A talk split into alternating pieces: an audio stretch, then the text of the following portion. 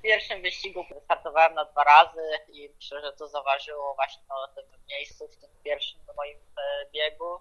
Szkoda bardzo tego, tych zawodów. Może zawodów nie, bo potem już tam e, walczyłem i naprawdę wszystko było ok, ale głównie tego pierwszego biegu. Byłeś bardzo szybki, co było widać, bo mimo nawet przegranych startów potrafiłeś wyprzedzać rywali na dystansie. No i doszło do upadku na pierwszym łuku. Musiałeś zmienić motocykl. To chyba sprawiło, że w tym e, wyścigu przyjechałeś w powtórce drugi. Tak, też prawda, bo wiadomo, motocykl niedopasowany do, do toru to jest e, też takie niefajne, ale myślę, że, że, że to nie do końca też zaważyło moim wyniku, ale na pewno nie pomogło, bo ten pierwszy motocykl był e, naprawdę szybki. No i co zrobić? Trzeba jechać po prostu dalej, wyciągnąć wnioski. Mam jeszcze dużo lat tych młodzieżowych zawodów, mistrzostw, więc po prostu muszę wyciągnąć z tego wnioski, że w przyszłości to zaprocentowało. No największe wnioski to trzeba też wyciągnąć z tego wyścigu dodatkowego, bo jeszcze przy wjeździe na ostatnie okrążenie byłeś brązowym medalistą.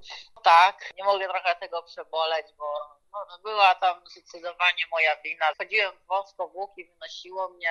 Też zmieniliśmy przed tym biegiem, e, zaryzykowaliśmy przełożenie, bo nie do końca czułem się dobrze w tych biegach, z tego startu zaryzykowaliśmy, było ok, ale nie obierałem dobrych e, ścieżek na torze. No niestety Damian mnie minął. Słusznie minął, bo dobrze atakował, ja źle jechałem, więc po prostu taki jest żużel.